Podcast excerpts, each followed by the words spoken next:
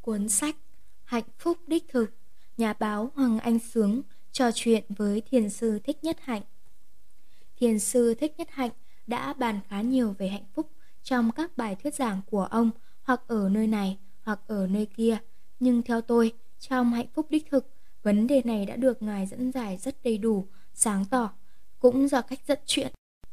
Khéo léo và tinh tế của Hoàng Anh Sướng mà câu chuyện luôn biến hóa, hấp dẫn, đề cập đến nhiều vấn đề lớn hóc búa mà vẫn nhẹ nhàng, thanh thoát như không. Người hỏi chuyện, lèo lái câu chuyện và người tiếp chuyện nhưng hai tấm gương cùng soi vào nhau, cả hai cùng sáng lấp lánh. Đây là cuốn sách của mọi người, mọi nhà, một cuốn sách rất thú vị và có giá trị lớn với đời sống đương đại. Và tôi tin, rất tin, cuốn sách sẽ làm quý vị yêu thích. Nhà thơ Trần Đăng Khoa Đây là cuộc đối thoại giữa thiền sư Thích Nhất Hạnh và nhà báo Hoàng Anh Sướng, nhưng cũng chính là cuộc đối thoại giữa thân xác của mỗi người chúng ta với chính tinh thần của mình. Đối với cuộc đối thoại thứ nhất khép lại trong gần 300 trang sách, nhưng cuộc đối thoại thứ hai sẽ còn tiếp tục trong suốt hành trình rằng giặc chúng ta đi tìm hạnh phúc đích thực. Tôi chưa đọc cuốn sách nào gây nhiều ngạc nhiên như cuốn sách này. Ngạc nhiên nhất chính là những gì cực kỳ đơn giản mà quá nửa đời người tôi vẫn đinh ninh mình đã biết thì hóa ra bây giờ tôi mới biết. Kể từ đó mà biết thêm rằng vì sao mà mình cứ khổ. Nhà văn Tạ Duy Anh Tác phẩm Hạnh phúc đức thực đã vượt qua tầm đàm thoại cá nhân giữa nhà báo Hàng Anh Sướng với đại thiền sư Thích Nhất Hạnh, trở thành cuộc đối thoại giữa hàng triệu con người đang mệt mỏi, loay hoay đi tìm hạnh phúc với bụt. Đọc hết trang cuối cùng, khép cuốn sách lại, ta bỗng giật mình ngộ ra, hạnh phúc là những điều bình dị ở trong ta, quanh ta mà ta không hề biết. Ai cũng có thể tìm được hạnh phúc theo những cách đơn giản nhất, nếu chỉ được mang duy nhất một cuốn sách. Thánh Kinh, Hạnh phúc đích thực, để sử dụng như một công cụ hữu hiệu nhằm hòa giải, vãn hồi hòa bình, giải thoát khổ đau. Nhà Về tiểu sử của thiền sư Thích Nhất Hạnh Tên thật là Nguyễn Xuân Bảo Ông sinh ngày 11 tháng 10 năm 1926 tại Thừa Thiên Huế. Thiền sư Thích Nhất Hạnh xuất gia năm 16 tuổi tại chùa Từ Hiếu. Ông là tổ của nhánh Từ Hiếu đời thứ 8 của dòng Liễu Quán trong đời thứ 42 của phái Thiền Lâm Tế. Ông là nhà lãnh đạo Phật giáo có ảnh hưởng lớn thứ hai ở phương Tây, chỉ sau Dalai Lama. Thiền sư Thích Nhất Hạnh là người đưa ra khái niệm Phật giáo dấn thân trong cuốn sách Việt Nam Notes in the Sea of Fire của mình. Ông từng vinh dự được đề cử giải Nobel Hòa Bình năm 1967. Thiền sư Thích Nhất Hạnh là một trong những đại thiền sư nổi tiếng thế giới. Tác giả của hàng trăm cuốn sách, trong đó có rất nhiều cuốn được xếp hạng bestseller như An Lạc Từng Bước Chân, Phép Lạ của Sự Tỉnh Thức, Chúa Ngàn Đời, Bụt Ngàn Đời. Ông là một nhà văn nhân, một thi nhân, một học giả, cũng là một người đấu tranh cho hòa bình bằng phương pháp bất bạo động. Năm 1967, khi đề nghị Hội đồng Nobel trao giải cho thiền sư Thích Nhất Hạnh, mục sư nổi tiếng người Mỹ Martin Luther King đã phát biểu. Ông thầy tu mảnh khảnh, xuất thân từ Việt Nam này. Ngài là một học giả uyên thâm, những phát kiến cho hòa bình của Ngài nếu áp dụng được sẽ dựng nên một tượng đài cho tinh thần hòa đồng, tình huynh đệ và nhân bản. Thiền sư chính là người thành lập dòng tu tiếp hiện, hành trì theo lý tưởng đạo Phật đi vào cuộc đời. Với phương pháp thực tập chánh niệm được xây dựng căn bản trên 14 giới tiếp hiện. Phương pháp thực tập chánh niệm của thiền sư Thích Nhất Hạnh đã trở nên nổi tiếng khắp thế giới vì thực hành đơn giản nhưng kết quả lại vô cùng sâu sắc. Chỉ cần đem tâm trở về với thân bằng cách chú ý đến hơi thở và chú tâm vào những hành động hàng ngày, chúng ta có thể từ từ chuyển hóa và trị liệu nhiều vết thương trong ta và những người khác bằng lòng từ tâm và yêu thương. Cuối năm 2013, Thiền sư Thích Nhất Hạnh đã tổ chức chuyến Hoàng Pháp Đạo Phật dọc nước Mỹ kéo dài suốt 2 tháng với hàng trăm buổi thuyết pháp, hàng chục khóa tu tại rất nhiều địa danh nổi tiếng như Đại học Harvard, Ngân hàng World Bank, công ty Google, Facebook, vân vân. Nhà báo Hoàng Anh Sướng đã theo chân thiền sư trong suốt hành trình đó và đã thực hiện cuộc trò chuyện dài kỳ này với nhiều tâm huyết và niềm đam mê. Từng phần của cuộc trò chuyện đặc biệt sẽ được đăng tải trên báo Tuổi Trẻ và Đời Sống. Này được tập hợp lại trọn vẹn trong cuốn sách. Xin trân trọng giới thiệu cùng đông đảo bạn đọc. Lời giới thiệu Đọc Hạnh phúc đích thực, nghĩ về thiền sư Thích Nhất Hạnh và những câu chuyện bên ngoài cuốn sách Trần Đăng Khoa. Quý vị đang có trên tay cuốn sách đặc biệt Hạnh phúc đích thực. Đó là một cuộc đàm thoại rất thú vị giữa nhà báo Hoàng Anh Sướng và thiền sư nổi tiếng thế giới Thích Nhất Hạnh về vấn đề hạnh phúc, làm thế nào để có được hạnh phúc. Tôi gọi đây là cuốn sách đặc biệt cũng bởi sự ra đời khá đặc biệt của nó. Trước khi nằm trên tay quý vị, cuốn sách đã đến với đông đảo bạn đọc cả nước dưới dạng loạt bài ghi chép của nhà báo Hoàng Anh Sướng trên báo Tuổi Trẻ và Đời Sống, một tờ báo có lượng phát hành rất lớn. Rồi nhiều bạn đọc vì quá yêu thích loạt bài này đã photo thành từng tệp, trao tặng cho bạn bè, người thân, nhiều chủ nhà hàng ăn chay ở Hà Nội và thành phố Hồ Chí Minh cùng nhiều địa phương trên cả nước còn khuyến mại tệp photo này cho khách hàng với lời dặn thầm thì như niệm chú với gương mặt tươi tắn, mắt lành, vừa âm u vừa bí hiểm. Đọc đi, đọc đi, bí kíp để Thế rồi, vào một chiều cuối năm 2014, tại Thiên Trà Trường Xuân, nhà báo Hoàng Anh Sướng đang tiếp hãng truyền hình Nhật Bản đến thăm và làm phim với anh về góc độ một nghệ nhân trà. Một nhà nghiên cứu và truyền bá trà đạo ở Việt Nam thì có một bưu phẩm được đóng gói rất đẹp chuyển đến anh. Mở bưu phẩm ra, Hoàng Anh Sướng thật sự ngỡ ngàng. Hóa ra đó là cuốn sách hạnh phúc đích thực mà anh chính là tác giả. Với lời mở đầu của người biên tập. Ai trong chúng ta cũng muốn có hạnh phúc và đang đi tìm hạnh phúc. Vậy hạnh phúc đang ở đâu và làm thế nào để có được hạnh phúc? Đó là vấn đề được Đại Lão Hòa Thượng Thiền Sư Thích Nhất Hạnh trò chuyện cùng nhà báo Hoàng Anh Sướng đã đăng trên báo Tuổi Trẻ và Đời Sống trong những số ra gần đây.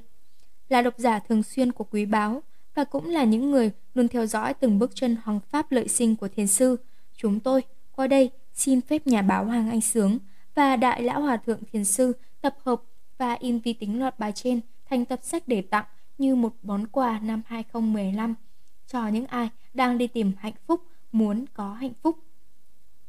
Tiếng là in vi tính như một tài liệu tham khảo nội bộ của nhóm Phật tử ở thành phố Hồ Chí Minh, nhưng cuốn sách vẫn rất đẹp và sang trọng.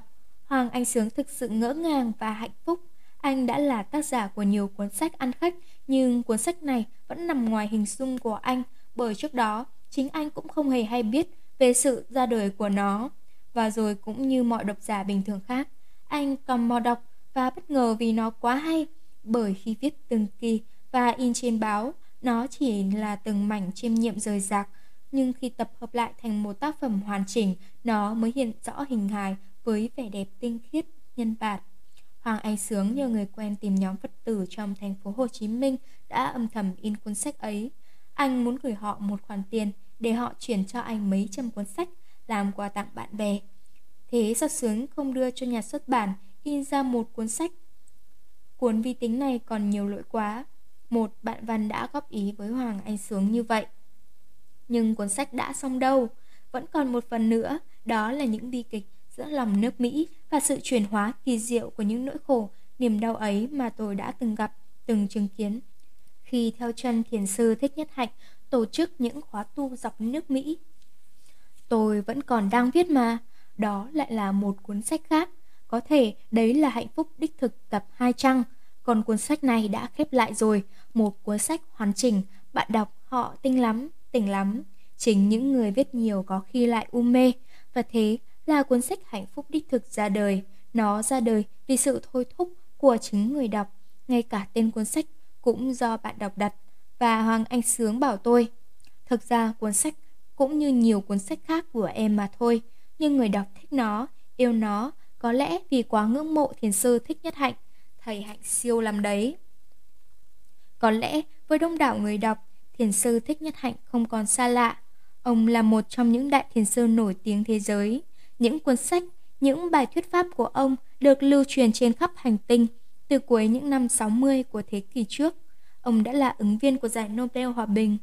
Tôi biết ông có phần muộn hơn, nhưng trước Hoàng Anh Sướng đến cả chục năm. Dịp ấy đang độ xuân, như mọi người dân Việt, tôi đưa vợ con đi lễ chùa Bồ Đề, Gia Lâm, Hà Nội. Ngôi chùa này, thiền sư Thích Nhất Hạnh và tăng đoàn làng Mai đã từng đến thuyết pháp. Thế rồi trong lúc chờ vợ hóa vàng, tôi dắt con gái đi dạo chơi vãn cảnh chùa. Tôi thực sự ngạc nhiên khi nhìn thấy trong cửa hàng bán kinh Phật cùng những sách tử vi bói toán có rất nhiều đĩa CD thuyết pháp của thiền sư Thích Nhất Hạnh. Cả đĩa hình, đĩa tiếng nhưng đều bán đồng giá với một giá như nhau và bán rất rẻ. Chỉ có 2.000 đồng một đĩa. Số tiền ấy không đủ mua một gói kẹo lạc hay một mớ rau muống, nhưng với giá rẻ như thế mà một em bé đánh giày lang thang cơ nhỡ hay một nhà hành khất cũng có thể mua được cả một buổi thuyết pháp của một vị thiền sư lừng danh thế giới. Tôi mua một vài đĩa về nhà nghe thử, nghe cũng vì tò mò, nhưng nghe rồi tôi bắt đầu um mê các bài thuyết pháp của ông. Tôi rất kinh ngạc khi trong các bài thuyết pháp của thiền sư nổi tiếng thế giới mà lại không thấy chùa, không thấy kinh, không thấy cả Phật nữa, chỉ thấy những chuyện đời thường của mình, của gia đình mình, của những người thân. Nó vô cùng giản dị như muôn mặt của đời sống. Thiền sư hướng dẫn ta làm sao có được sự an lạc, thành thơi giữa đời sống bộn bề những lo toan. Hơn trách, làm thế nào để có thể đứng vững trước bao nhiêu bão táp, mưa rông, bon chen, đố kỵ, rồi cách ứng xử để lập truyền thông với bố mẹ, vợ chồng, con cái, bạn bè để có được tình yêu thương đích thực, để hiểu và được yêu thương. Đặc biệt, ta cần phải làm gì khi người thân mất? Người mất thì họ đi về đâu? Tôi thích lối diễn giải của thiền sư Thích Nhất Hạnh. Ông bắt đầu câu chuyện từ một giọt mưa. Giọt mưa rơi xuống phiến đá, ta nhìn thấy rõ giọt nước ấy. Nó long lanh sáng, rồi nó thẫm dần như một dấu chấm nâu. Ta nhấp đi, ngoảnh lại, không còn thấy nó nữa. Lại nghĩ giọt mưa đã chết, nó đã biến mất khỏi mặt đất. Nhưng không, giọt mưa không chết, nó cũng không biến đi, nó vẫn đang tồn tại, nhưng tồn tại trong một hình dạng khác. Nó đã thành một đám mây che mát trên đầu ta, rồi từ mây nó hóa tiếp cơn mưa tới mát lành cả mặt đất. Cũng tương tự như thế, khi bố mẹ ta chết, bố mẹ cũng có mất đâu. Bố mẹ vẫn tồn tại, nhưng tồn tại ở một dạng khác. Bố mẹ vẫn luôn ở trong ta, trong từng tế bào cơ thể ta, không cần phải dùng đến kỹ thuật kiểm tra ADN, ta chỉ cần đứng trước gương, thấp thoáng gương mặt ta là gương mặt của bố mẹ. Ông bà, và xa hơn nữa là các cụ kỵ, tổ tiên ta. Tổ tiên vẫn luôn hận hữu, ở ngay trong ta. Vậy thì ta phải sống thế nào, tu thế nào, để tâm ta luôn đẹp, mặt ta luôn sáng. Gương mặt ta sáng đẹp, tâm hồn ta sáng đẹp, thì gương mặt bố mẹ, ông bà, tổ tiên ta cũng sáng đẹp.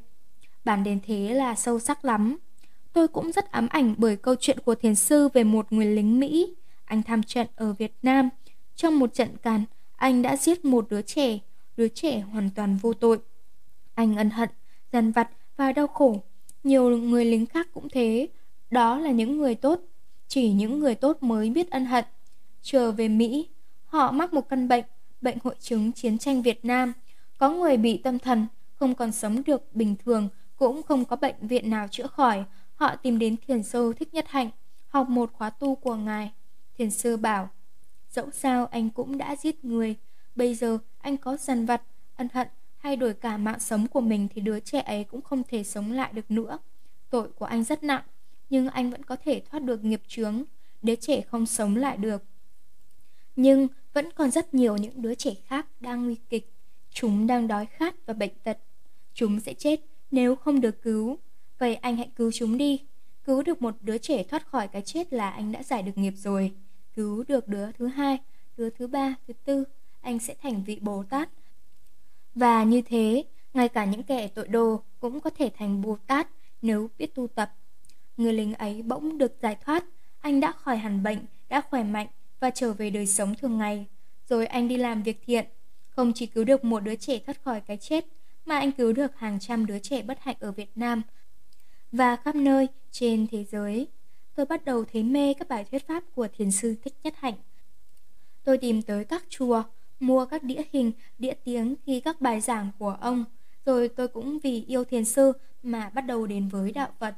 Tôi tìm mua các cuốn sách về Phật, các bài kinh, rồi các bài giảng của các đại đức, hòa thượng khác. Nhưng phải nói thật, đã nghe thiền sư Thích Nhất Hạnh thuyết pháp rồi thì rất khó nghe các vị sư khác. Nhiều khi tôi còn thấy dị ứng. Có vị sư giảng Phật Pháp mà mắt cứ long lên sòng sọc, giọng nói vòng vót, gắt gỏng, đầy sân hận. Có vị vừa giảng, vừa treo ghẹo mấy nữ Phật tử ngồi dưới. Có vị lại còn tạo sự hấp dẫn bằng cách kể những câu chuyện tiếu lâm tục tĩu, bợm trợn, kể cả những câu chuyện đậu phụ làng, cắn đậu phụ chùa, giảng Phật Pháp, hướng người ta đến với đạo Phật mà lại mang sư, mang chùa ra diễu thì ai còn tin vào Phật, tin vào sư nữa đây. Tôi lại trở về với thiền sư Thích Nhất Hạnh, lại sưu tầm các đĩa ghi hình, những bài thuyết pháp của ông, rồi tôi lọ mọ chuyển các đĩa CD và bài giảng của ông ra MP4, MP3, rồi đưa vào các iPod, iPad, rồi tặng bạn bè và người thân của mình. Nhà báo Hoàng Anh Sướng là người đầu tiên tôi tặng món quà quý đó. Tôi biết anh là nhà báo có tài, anh cũng rất giỏi thuyết giảng. Nhiều bài viết, bài nói của hàng Anh Sướng về trà đạo, về tâm linh ngoại cảm rất hay, rất hấp dẫn. Bản thân tôi cũng đã viết bài giới thiệu tập sách Buồn Ngải Sứ Mường của anh. Tôi bảo Sướng, chú nghe đi, trong này có hàng ngàn bài hát, hàng chục cuốn tiểu thuyết đặc sắc của thế giới phát trong chương trình đọc truyện đêm khuya của Đài Tiếng Nói Việt Nam. Nhưng trước hết, chú hãy nghe phần của thầy Hạnh. Nhiều lắm, nghe các bài thuyết pháp trước, rồi nghe các chuyện dài của thầy sau. Lúc bấy giờ, Hoàng Anh Sướng đang say mê nghiên cứu các nhà ngoại cảm. Anh lầm lụi vượt rừng, vượt núi, cùng họ đi tìm mộ liệt sĩ, rồi nghiên cứu các cuộc gọi hồn. Trông anh lúc nào cũng tất tả, bận rộn, người lúc nóng, lúc lạnh, lúc vui, lúc buồn, có lúc cũng đau khổ vì sự hộc hặc của các nhà ngoại cảm với nhau. Tôi hỏi, chú đã nghe chưa? Nghe thầy Hạnh thuyết pháp chưa? Em nghe rồi, nhưng cứ nửa chừng lại bỏ. Ông cụ ê à quá, cứ tháng 5 một câu, tháng 10 một câu, oải vô cùng. Tôi biết mình thật vô duyên, nếu muốn hướng người thân đến với Phật Pháp. Nhưng mặt mình trông cứ gian gian, làm sao người đời tin được?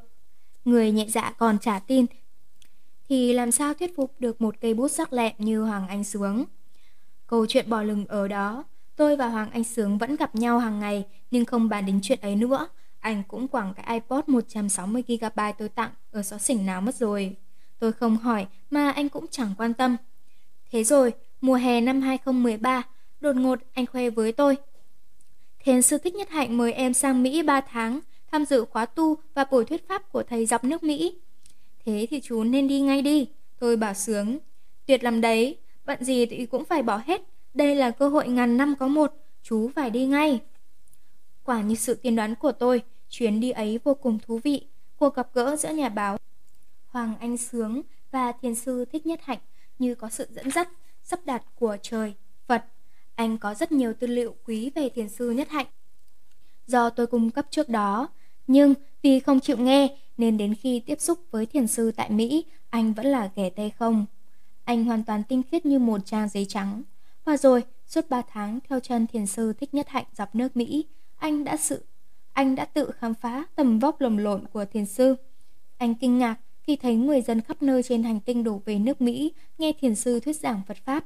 Trong số hàng ngàn người nghe đó, có cả những nhà chính trị nổi tiếng, những nhà khoa học lỗi lạc đã từng được cho giải Nobel.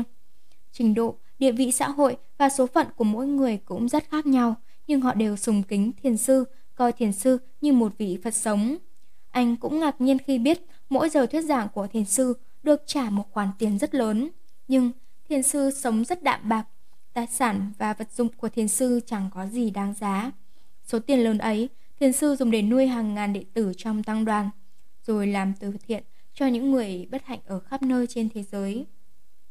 Ở Việt Nam, những năm bao cấp, rất nhiều nghệ sĩ đã được sự giúp đỡ của ngài, một trong số đó là thi sĩ Hoàng Cầm.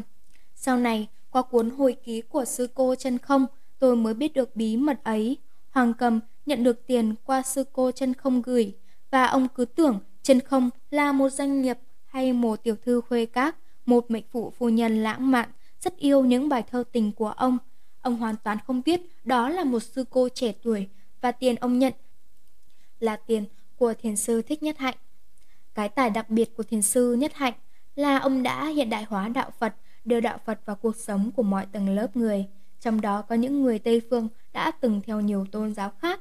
Cũng nhờ có ông mà đạo Phật ở phương Tây phát triển rất nhanh và mạnh, đặc biệt được giới trẻ và trí thức hâm mộ. Ông mở nhiều khóa tu tập riêng cho giới doanh nhân, giới bảo vệ môi trường, giáo chức, cựu chiến binh, văn nghệ sĩ. Ông cũng mở cả khóa tu cho giới diễn viên Hollywood, các nghị sĩ quốc hội Hoa Kỳ, rồi những khóa tu cho cả cảnh sát, an ninh và người coi tù. Người dự khóa tu không cần phải quy y cờ Phật, nhưng có thể thừa hưởng kho tàng tuệ giác của đạo Phật để tháo gỡ khó khăn trong đời sống, nội tâm. Tái lập truyền thông với người khác, trong đó có gia đình, đồng nghiệp đem lại hạnh phúc trong đời sống hàng ngày. Điều đáng kinh ngạc là trong những người tham gia khóa tu của thiền sư, có người từng là linh mục, là mục sư như mục sư Sibley ở Houston, Texas. Vị mục sư này đã xin thụ trì năm giới, quy y tam bảo mà không thấy có sự mâu thuẫn nào giữa đức tin cơ đốc của bản thân với tuệ giác của đạo Phật. Sau đó, ông còn đến làng Mai của thiền sư Thích Nhất Hạnh ở Pháp để tiếp tục tu học cho đến khi thành một vị thọ giáo của làng Mai, tức là người có khả năng mở những khóa tu theo giáo lý đạo Phật. Vị mục sư này cũng đã viết thư cho bề trên đề xuất nguyện vọng được vừa làm mục sư vừa làm giáo thọ đạo Phật.